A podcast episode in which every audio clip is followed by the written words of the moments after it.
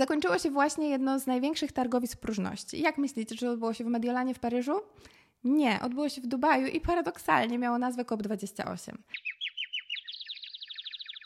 Cześć, ja mam na imię Ania i ponieważ mam wrażenie, że polskie media nie skupiały się zbyt intensywnie na tym, co na COP28 się działo, pomyślałam, że wpadnę do Was z takim krótkim wideo, które podsumuje wszystko, co tam zostało powiedziane. COP28 to kolejna z konferencji organizowanych corocznie przy współpracy z Organizacją Narodów Zjednoczonych i jej celem teoretycznie ma być walka, walka ze zmianami klimatycznymi. Mówię teoretycznie, ponieważ bardzo często tematy prezentacji, które podczas COP się pojawiają, mogą budzić bardzo wiele wątpliwości osób, które w jakikolwiek sposób na zmianach klimatycznych się znają. W tym roku na przykład pojawił się wykład na temat tego, jak w bardziej zrównoważony sposób korzystać ze swojego prywatnego jachtu.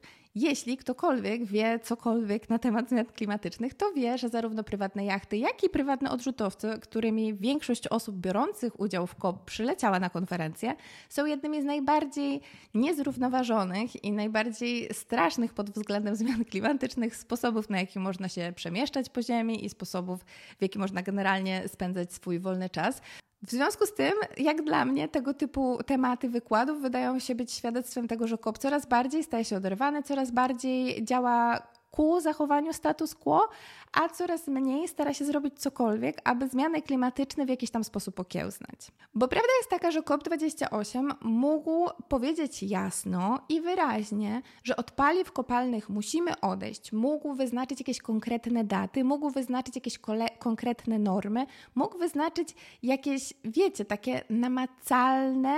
Yy, cele, do których kraje miałyby dążyć. To się jednak nie wydarzyło. Cały czas mieliśmy do czynienia z takim whataboutismem i gadaniem o tym, że tak, musimy odejść od paliw kopalnych, ale jak to zrobić, kiedy to zrobić, w jaki sposób przerestrukturyzować infrastrukturę, którą obecnie mamy i tak dalej, i tak dalej. To raczej wydaje się nie było w kręgu zainteresowań osób, które w konferencji brały udział.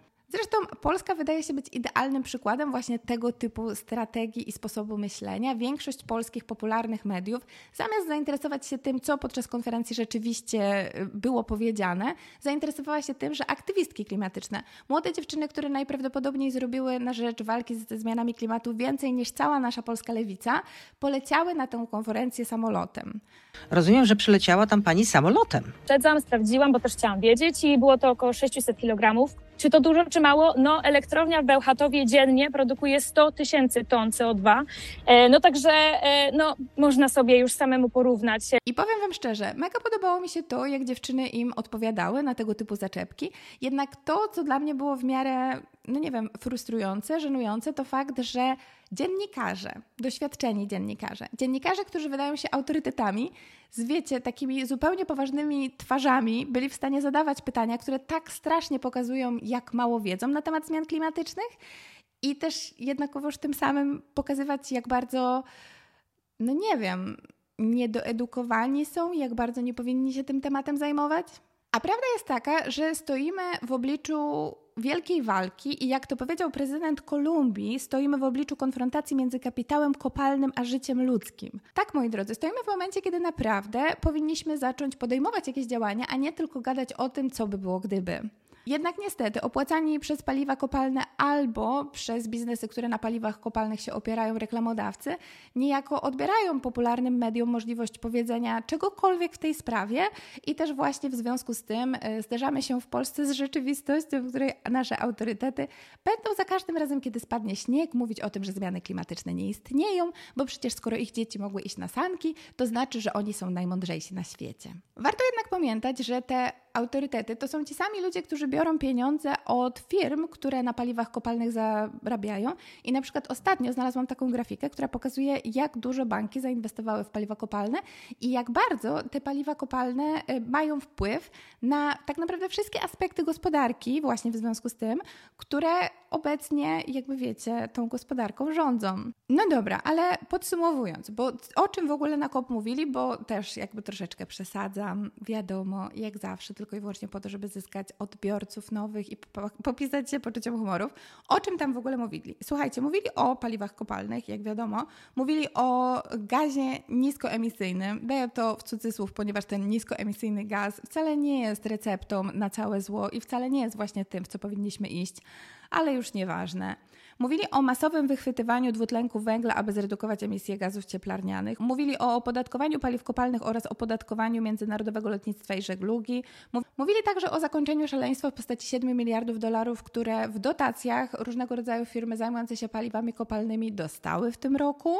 Ale o czym nie mówili? Nie mówili o tym, jak finansować zmiany, jakie daty powinniśmy sobie ustalić, jak wywiązać się ze zobowiązań, ponieważ zwłaszcza dla krajów, które nie są krajami rozwiniętymi, może to być niesłychanie trudne, aby sprostać wszystkim tym zobowiązaniom. No i przede wszystkim nie mówiono nic o metanie, czyli o najbardziej, e, wiecie, silnym gazie cieplarnianym, który w najgorszy wpływ, ma wpływ na atmosferę. I co według mnie w miarę intensywnie pokazuje, jak bardzo oderwana od rzeczywistości jest ta konferencja, nie wciągnięto w dyskusję grupy, która nazywa się Small, Small Islands Alliance. Boże, ciężko mi się to było powiedzieć, przepraszam jeszcze raz. Nie wciągnięto w tą dyskusję grupy, która nazywa się Small Island Alliance i która składa się z małych wysp, jak nazwa wskazuje, które są najbardziej dotknięte zmianami klimatycznymi i z których niektóre możliwe, że w związku ze zmianami klimatycznymi po prostu znikną z powierzchni Ziemi, jako że i woda po prostu je przykryje. Tak więc nie branie pod uwagę tego, co tam się dzieje, co ci ludzie mają do powiedzenia i z jakimi problemami w tym momencie się mierzą, według mnie, no nie wiem, w miarę takie jest, wiecie, słabe, po prostu słabe. Na zakończenie mam dla Was też dwa cytaty z dwóch mega ważnych postaci z samego ONZ, które według mnie w miarę tak y, realnie i krytycznie podeszło do tego, co wydarzyło się podczas konferencji, ponieważ zarówno pan Simon Stiel, jak i Antonio Guterres nie wydawali się być w pełni zadowoleni w związku z tym wszystkim, co zostało podczas konferencji przedyskutowane. Simon na przykład powiedział, że teoretycznie COP miał zasygnalizować stanowcze położenie kresu paliw kopalnych, ale niestety y, tego nie zrobił i wspominał również o lukach w prawie, które sprawiają, że korzystanie z paliw kopalnych nadal przez wiele lat najprawdopodobniej będzie możliwe, dopóki te luki prawne we wszystkich krajach na świecie nie zostaną e, zmienione. E, dodatkowo Antonio Guterres, czyli sekretarz generalny ONZ, że tym, którzy sprzeciwiają się odejściu od paliw kopalnych, trzeba wyraźnie powiedzieć, że od tych paliw kopalnych nie będzie odejścia. Jednak też z drugiej strony, czego spodziewaliśmy się po szczycie klimatycznym, który miał miejsce, był organizowany tak naprawdę w kolebce wydobywania tych paliw kopalnych, w miejscu, w którym na paliwach kopalnych się zarabia i które bez paliw kopalnych najprawdopodobniej powróci do bycia pustynią, na której nie ma zupełnie nic. Takie to było dzisiejsze wideo. Mam nadzieję, że Wam się podobało. Jeśli tak, to dajcie mi łapki w górę i do zobaczenia w następnym odcinku. Pa, pa!